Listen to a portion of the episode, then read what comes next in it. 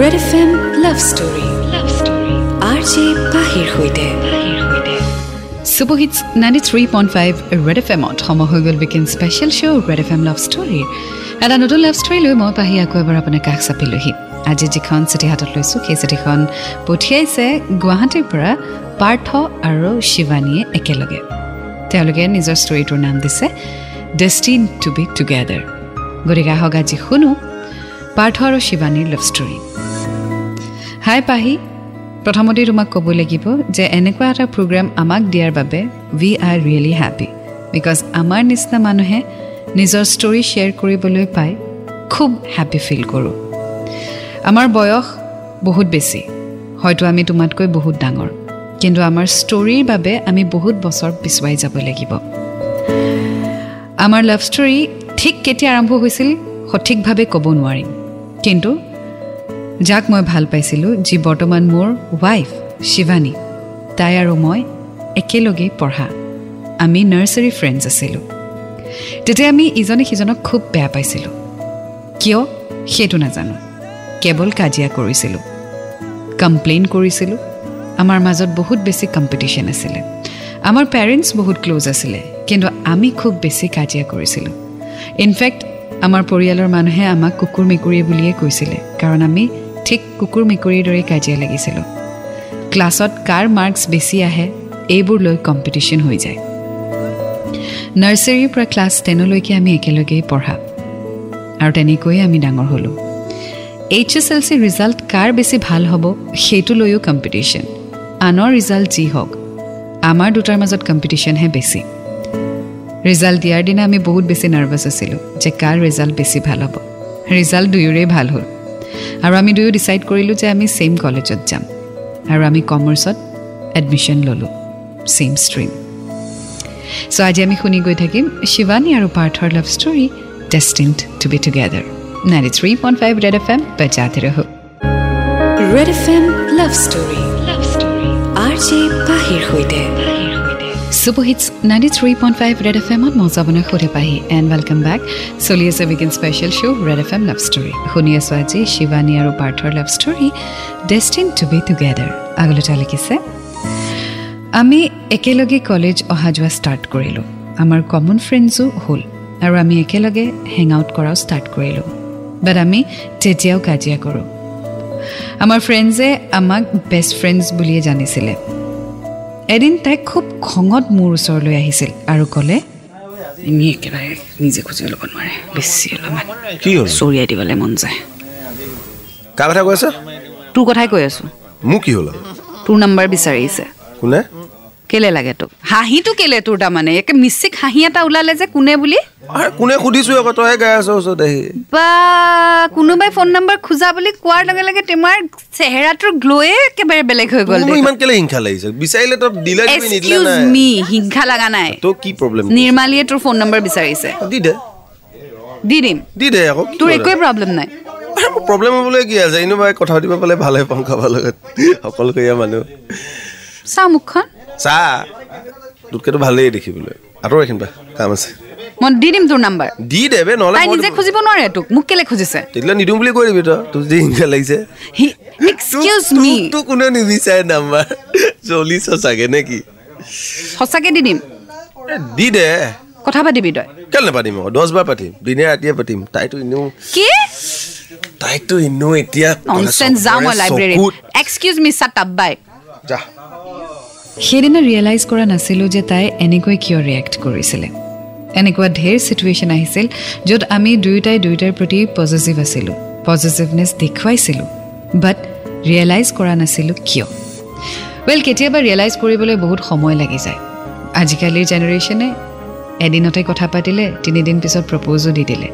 কিন্তু যেতিয়া লাহে লাহে সময় পাৰ হয় যেতিয়া আপুনি মানুহক জানিবলৈ আৰম্ভ কৰে ইজনে সিজনক বুজিবলৈ ষ্টাৰ্ট কৰে তেতিয়াও বহুত বস্তু এনেকুৱা থাকে যে আৰ উই কম্ফৰ্টেবল আমি পাৰিম নে? ইজ দিছ লাভ বহুত সময় লাগে। ৰিয়েলাইজ কৰিবলৈ যে সঁচাকৈ আমি ভাল পাওঁ নে টাইম স্পেণ্ড কৰি বেছি ভাল লাগিছে? নে কাৰোবাৰ লগত একেটা ফিলিঙেই আহিব? এই বস্তুবোৰ ভাবি চাবলৈ বহুত সময় লাগে। কেতিয়াবা আমি ৰিয়েলাইজ নকৰোঁ যে একচুৱেলি আমি সেই মানুহজনক ভাল পাওঁ। কিন্তু ভাল পোৱা হয়নে নহয় সেই ৰিয়েলাইজ কৰিবলৈ আমাক বহুত সময় লাগি যায়।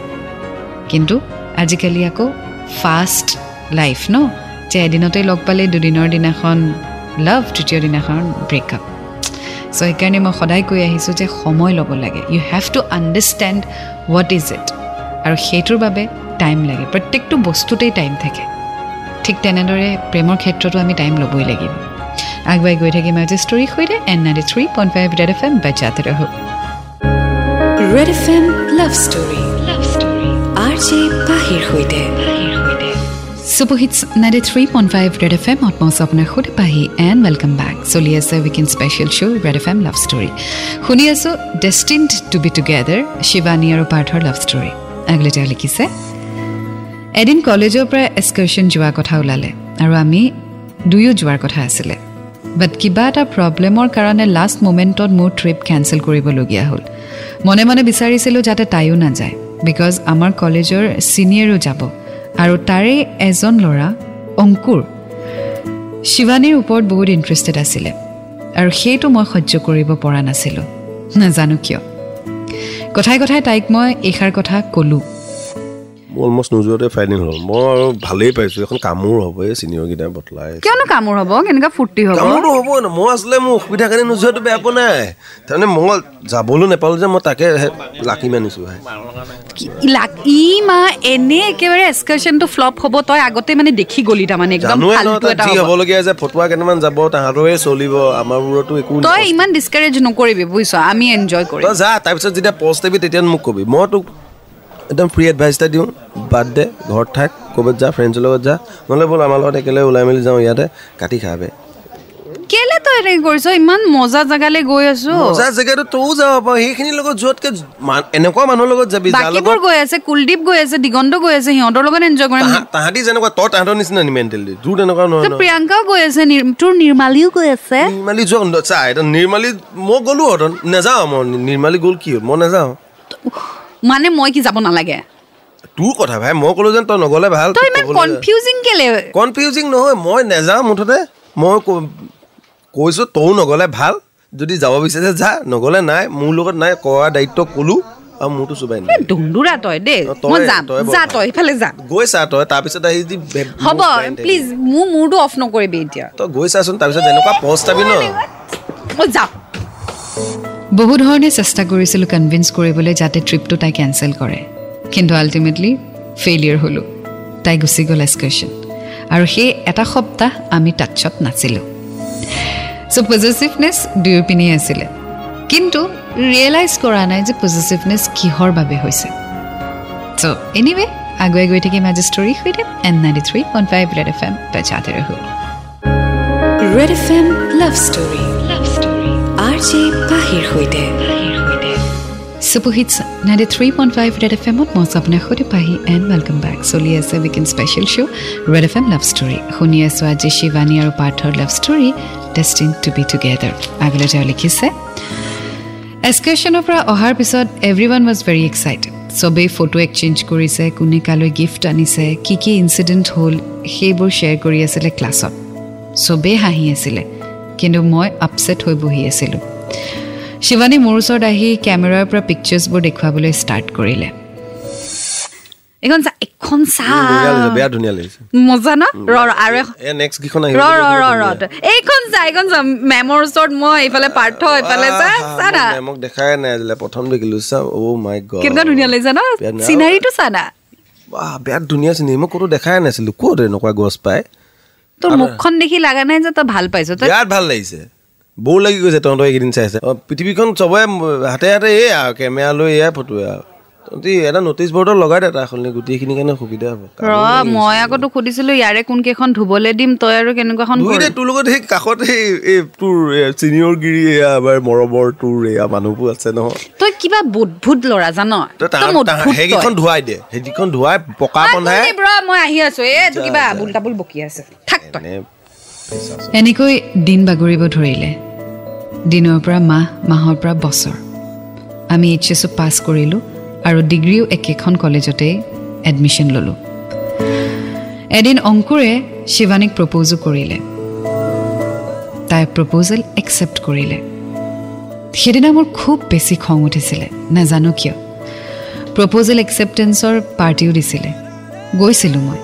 কিন্তু পাৰ্টিত এক বুজাব নোৱাৰা ফিলিংছ মই অনুভৱ কৰিছিলোঁ।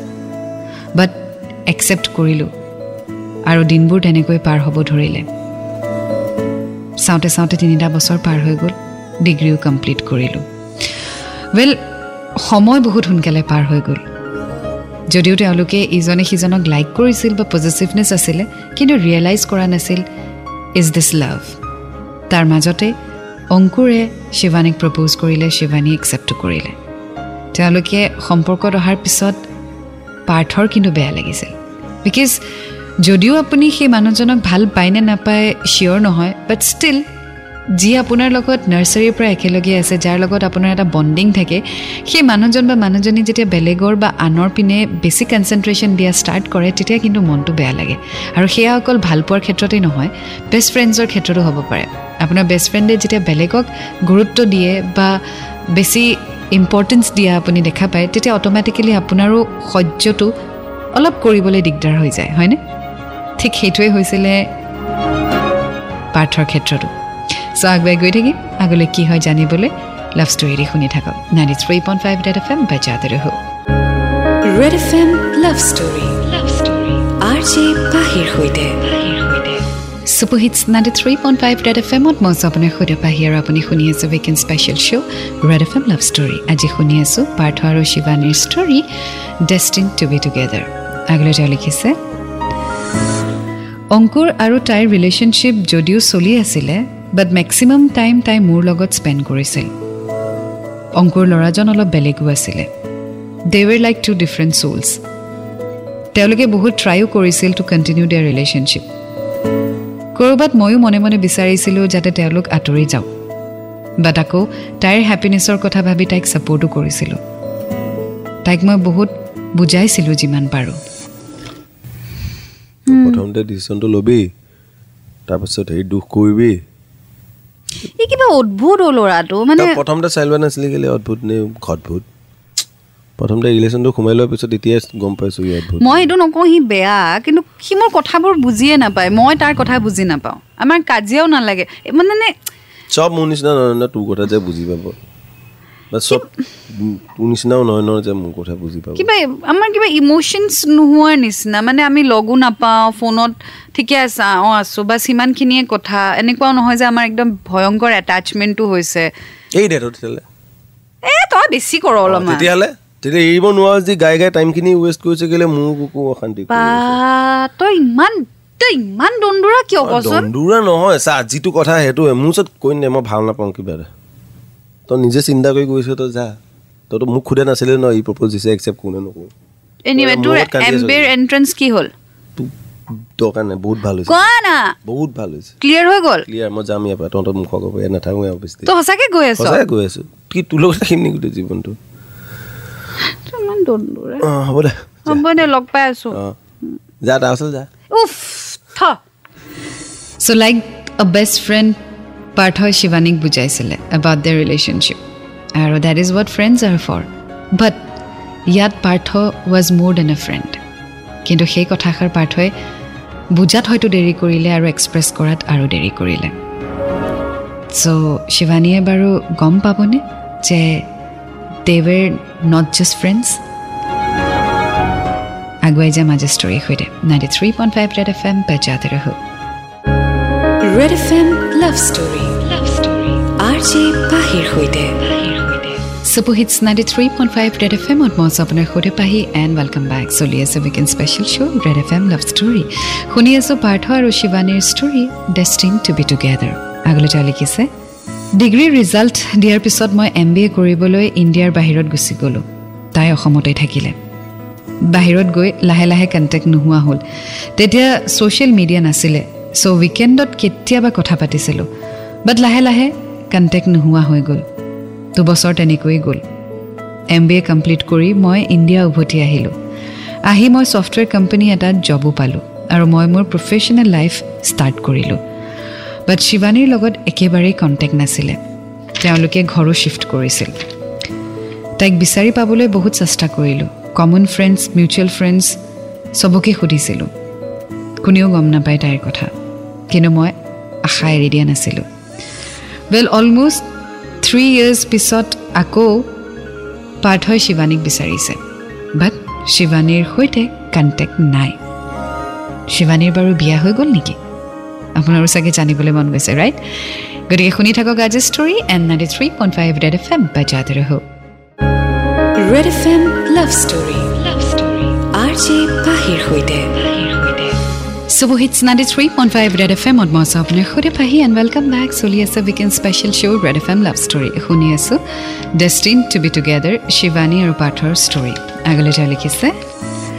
লাইফ তেনেকৈ চলি গৈ থাকিলে। লাহে লাহে ছ'চিয়েল মিডিয়া আহিলে ফেচবুক অৰ্কুট। মই একাউণ্টটো খুলিলোঁ আৰু প্ৰথম শিৱানীকে বিচাৰিছিলোঁ। মই চিয়'ৰ আছিলোঁ যে তাই চাগে বিয়া হৈ গ'ল। বহুত বিচাৰিলোঁ। আৰু কেইমাহমানৰ পিছত মই তাইক বিচাৰিও পালোঁ এফ পিত বহুত ভাবিলোঁ মেছেজ কৰোঁ নে নকৰোঁ। বাট আল্টিমেটলি মেছেজ এটা কৰি দিলোঁ তাইক। তাইৰ ৰিপ্লাইৰ বাবে ৱেইট কৰি আছিলোঁ আৰু দুমাহৰ পিছত তাই ৰিপ্লাই কৰিলে। বহুত সময় আমি কথা পাতিলোঁ আৰু এদিন লগ কৰাৰ দিন এটা ঠিক কৰিলোঁ। আৰু সেই দিনটোৰ বাবে আগ্ৰহেৰে বাট চালোঁ। তো কিমান বছৰ পিছত ফাইনেলি আকৌ শিৱানী আৰু পাৰ্থ কণ্টেক্টত আহিলে। And finally they have decided to met so' I am sure the excitement level is too much equally ময়ো এক্সাইটেড যে কি হ'ব। অকণমান অপেক্ষা কৰক in ninety three point five Red F M বাজাতে ৰহো। Red F M love story love story R J পাহিৰ সৈতে। Ninety three point five Red F এমত মঞ্চ আপোনাক সুধে পাহি আৰু আপুনি শুনি আছে weekend special show' Red F M love story শুনি আছোঁ শিৱানী আৰু পাৰ্থৰ story destined to be together আগলৈ তাই লিখিছে পাঁচ বছৰ মূৰত তাইক মই লগ ধৰিবলৈ ওলাইছিলোঁ। বহুত বেছি এক্সাইটেড আৰু নাৰ্ভাছ আছিলোঁ। যিটো জেগাত লগ ধৰাৰ কথা আছিলে সেই ৰেষ্টুৰেণ্টত গৈ মই আগতে ৱেইট কৰি আছিলোঁ। আৰু ফাইনেলি তাই আহিলে। তই আগতকে অলপমান দেখাত ভাল হলি যেন লাগিছে। তোক কেনে? আইঅ দে হাগ এটাকে দে। হ'ব দিবি নে নিদিয় বহু মই। আইঅ ল'ৰাটো। গাটো আগৰ নিচিনাই বেয়া গোন্ধাই এতিয়া। ৰ পিছে তইতো ফৰেনৰ পৰা আহিছ তোৰ একচন চেকচন নাই নেকি? আমি ডেকেৰা মানুহ কিনো থাকিব বাকী কচোন ক'ত কৰি আছ এতিয়া? ছফ্টৱেৰ কোম্পানী এটাত কৰি আছো। অঁ কৈছিলি তই হোৱাটছএপত তোৰ ক? মই বেংকত পইচা অকণমান দিবি নি? লাজ নাপাওঁ কিন্তু ঘূৰি কিয় আহিলি তই? তোৰ বাহিৰত ছেটেল হৈ যাব লাগিছিলে। তোলে মনত পৰিলে কাৰণে ঘূৰি আহিলো। ননচেঞ্চ আৰু বিয়া? মই বিয়া। পাতিলোঁ ল'ৰা ছোৱালী দুটা আছে। কাইলৈ তোক লগ কৰাই দিম। নিৰ্মালী? অ নিৰ্মালী আহিলে বাৰু সেই নিৰ্মালীহঁতৰ খবৰ কি? পাওঁ নে কেতিয়াবা লগ? কি তোৰ কণ্টেক্ট নাই নেকি? পাগল নি কাৰো সৈতে কোৱা নাই। তোৰ লগতে নাই তয়ে গায়ব হৈ গ'লি। তোক যেনে তেনে বিচাৰি বিচাৰি পালোঁ বাৰু। ডন চন অকণমান লাগিবলৈ মানুহ নাইকিয়া। তাকে নিৰ্মালীহঁতেনো ক'ত বিচাৰিবলৈ সময় পাইছোঁ? ইচ্ছাও যোৱা নাই বাৰু। নাই মই ঘৰ চিফ্ট কৰিলো ন একো খবৰো নিদিলি ক'ৰ পৰা পতককে খবৰ দিম? তইতো এন আৰ আই হৈ গ'লি ন তোৰ নাম্বাৰ চাম্বাৰ ডাজন তাকো এনেকে কয় ন নম্বৰ এনে নাপাওঁ ফোনটো কৰিছিলি তই মোলৈ। কৰিছিলো। নাই কৰা বাট আংকেল আণ্টিক সুধিছিলো। আংকেল আণ্টিক সুধিছিলো আংকেল আণ্টিক জনাম বুলি কৈছিলে মুঠতে সেয়াৰ খেলি মেলি এটা হ'ল সোনকালে শ্বিফ্ট কৰিবলগীয়া হ'ল। তাৰপিছত শ্বিফ্টটো কৰিলোঁ ট্ৰান্সফাৰো হ'ল দেউতাৰ মোৰো জব হ'ল সেইকাৰণে অ, তোৰ যে ফুট চুট দেখা নাই? কি তই মানে মোক ঢেকেৰি বুলি ভাবিছ নেকি? আই মিন ফুট লগোৱা ছোৱালী ঢেকেৰি নহয় but what are you expecting নহয় তো মই ভাবিছিলোঁ বিয়া চিয়া হৈ গ'লি বুলি ভাবিছিলোঁ। ল'ৰা এটা পালে হ'ম ৰ। মই মেছেজতো সোধা নাই পিছে। তাকেতো। মই লগ পাই সোধা মই কি ইয়াক অংকুৰ কি হ'ল তই গম সঁচাকে গম নাপাওঁ তাৰমানে নাপাওঁ, একো। গম নাপাওঁ। নাই তই এম বি এ কৰিবলৈ যোৱা কেইমাহ চাৰি পাঁচ মাহ পিছতে আমি ব্ৰেকআপ কৰিলোঁ। এই নিমিলেও ল'ৰাটো মই বিচৰা নিচিনা সি নহয় সি বিচৰা নিচিনা মই নহয় গতিকে আমি বস্তুবোৰ থাকে মানুহে বেছি বিচাৰে কাৰণে মানুহৰ অৱস্থা। অলপো চেঞ্জ হোৱা নাই ন? দন্দুৰাটো যে মই চেঞ্জ হ'লো। তোৰ লগত সদায় একেই থাকিম। কেনেকুৱা ভালটো? অলপ যে সন্মান দিওঁ এতিয়া অলপমান ডাঙৰ হৈছো এতিয়া মই মহিলা হৈছো জব কৰো দেখিবলৈ অলপমান ভাল হৈছো।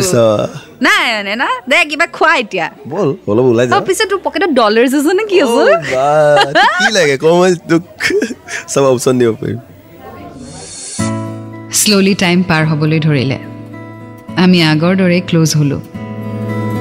আমি ৰিয়েলাইজ কৰিলোঁ যে we are meant to be together actually নাৰ্চাৰীৰ পৰাই আমি ইটোৱে সিটোক যে ভাল পাইছিলোঁ সেইটো ৰিয়েলাইজ কৰিবলৈ বহুত সময় লগালোঁ। মই বিশেষকৈ ৰিয়েলাইজ কৰিলোঁ that she is the one she is for me and we are destined to be together গতিকে পলম নকৰি মই আকৌ এদিন তাইক লগ ধৰিলোঁ আৰু এইবাৰ বিয়াৰ বাবে প্ৰপ'জ কৰিলোঁ। বাপৰে ইমান যে দৌৰা দৌৰি তোৰ কি হ'ল? নহয় তোক মই মানি গৈছোঁ বে। তোক কৌ ভৱিষ্যতটো কি ভাবিছা? এনেকৈ থাকিবি অকলে নেকি? অকলে নাথাকো। কোনোবাই প্ৰপ'জ কৰিলে য়েছ বুলি ক'ম। ল'ৰাটো কি কোনোৱে আজিলৈ প্ৰপ'জ নকৰাকৈ আছে নে ইমান বছৰ নাই? নাৰ্চাৰীৰ পৰা যুঁজিয়ে থাকিলে মোৰ লগত। যুঁজি যুঁজি যুঁজি ইমানেই দন্দুৰা টাইপ যুঁজিলে চব কথাত গালি পাৰিলে পাৰ্থৰ লগত ফটো তুলিলেও জ্বলন দেখুৱালে। জানই যদি তই ইমান দিনে কোৱা নাছিলি কেলে? অশান্তি কৰি? তোৰ কাৰণে ইয়াত উভতি আহিব লগা হ'ল। মই গম পাইছ না মন চন বৰ অশান্তি লাগি। কৈ দিবতো লাগে ন তই? মই ক'লে বাচ্ছা আছিল নেকি? নিৰ্মালীয়ে ফোন নম্বৰ খোজোতে তই কি কৈছিলি? মই ইমান দিন সেইটো মোক আখেজ ললি নে কি তাৰমানে তেতিয়া ময়ো ভবা নাছিলোঁ গাত লগা নাছিলে। যেতিয়া তই কোফা যেতিয়া মোৰ জীৱনৰ পৰা আঁতৰি আঁতৰি আঁতৰি আঁতৰি যাব ধৰিলি তেতিয়াহে মই গাত লগা হৈছে কথাটো। দে এতিয়া সেই টিনেজাৰ টাইপ বিহেভ কৰিব নালাগে। আমাৰ থাৰ্টি প্লাছ হ'ল এতিয়া ভদ্ৰ পুৰুষৰ নিচিনা মোক প্ৰপ'জ কৰ আৰু মই য়েছ কম আৰু মানুহেও ঘূৰি চাইছে আমাক ইমান চিঞৰিছোঁ আমি। বিয়া পাতি দিওঁ মা। সদায় দন লাগি থাকিম আৰু দুইটাই। তই এনেকৈ প্ৰপ'জ কৰিছ আৰু কেনেকৈ এই বয়সত আৰু ৰোমান্টিক হ'বলৈ কি আছে? তোৰ মোৰ মাজত তোৰ যি হ'ব লগা আছে প্ৰথমতে ভাল অঁ বুলি কৈ লওঁ তাৰপিছত মই কিমান ৰোমান্টিক তেতিয়া গম পাবি। কিন্তু কাজিয়া লাগিলে সদায় হাৰিব লাগিব। তই হাৰিয়েতো আছো ইমান দিনে। সেইটো হয়তো ইউ এছ এৰি মোক কিন্তু দুবাৰ মই হাৰিলে অঁ ঠিক আছে মই দুবাৰ হাৰিম তই এবাৰ হ'লেও হাৰিব লাগিব। হাৰিয়ে দিলোঁ য়েছ ক'লোৱে ন। আঙুঠি চাঙুঠি কিবা আনিছ? আঙুঠি মানে? তই ইউ এছৰ পৰা ঘূৰি আহিছ তই ডায়মণ্ডৰ আঙুঠি দিবি মোক। তই ছাৰপ্ৰাইজটো দিবলৈ অপশ্যনটো দিবিনে নে ফটোৱামিয়ে কৰি দিবি মানে? আনিছ মানে। মাই গড ডলাৰৰ আঙুঠি নে আজি আমাৰ বিয়া হোৱা আঠ বছৰ হৈ গ'ল। And we are blessed with two kids আপোনাৰ ষ্টৰী শুনি খুব বেছি ভাল লাগে আৰু সেইকাৰণে ভাবিলোঁ যে আমাৰ লাভ ষ্টৰীটো তোমাৰ সৈতে শ্বেয়াৰ কৰোঁ। আৰু সেইকাৰণে আমাৰ ষ্টৰী তোমাৰ সৈতে শ্বেয়াৰ কৰিলোঁ। আশা কৰোঁ এই সৰু ষ্টৰীটি আপুনি ভাল পাব। ৰাইজেও ভাল পাব। ৱেল কেতিয়াবা বহুত সময় লাগি যায় নিজৰজনক চিনি পাবলৈ আৰু ঠিক মোৰো তেনেকুৱা হ'ল। শিৱানী যে মোৰ হয় সেইটো ৰিয়েলাইজ কৰিবলৈ মই বহুত সময় লগালোঁ। But all's well that ends well ইয়াৰ জৰিয়তে মই চবকে এইটোৱেই ক'ব বিচাৰিম সময় লওক বুজিবলৈ সময় লওক কিন্তু যিদিনাখন বুজি পাব সেইদিনাখন মনৰ কথা কিন্তু কৈ দিব। কাৰণ মোৰ দৰে হয়তো চব লাকি নহ'বও পাৰে। শিৱানী মোৰ বাবে ৱেইট কৰি আছিলে। হয়তো কোনোবা ৱেইট নকৰিবও পাৰে। এয়াই আছিলে মোৰ story thank you so' much Pahi for giving this opportunity to share our stories and we are really really happy and fortunate to have such a platform where we can share our feelings thank you so' much well thank you so' much আপুনি আপোনাৰ story আমাৰ সৈতে share কৰিলে। And ধৰি লৈছোঁ আপুনি মোতকৈ বয়সত ডাঙৰ হ'ব। গতিকে পাৰ্থ আৰু শিৱানী আপোনাক দুয়োকে বহুত বহুত মৰম আৰু শুভেচ্ছা আৰু আপোনাৰ বাচ্ছা দুটাকো বহুত বহুত মৰম দিলোঁ। And thank you so' much for sharing such an inspiring story Belia আছিলে আজি story destined to be together এটি নতুন ষ্টৰীৰ সৈতে আকৌ লগ পাম until then please do fall in love it's a great feeling and you will get to learn a lot and always remember I love you ninety three point five Red FM M বজাতে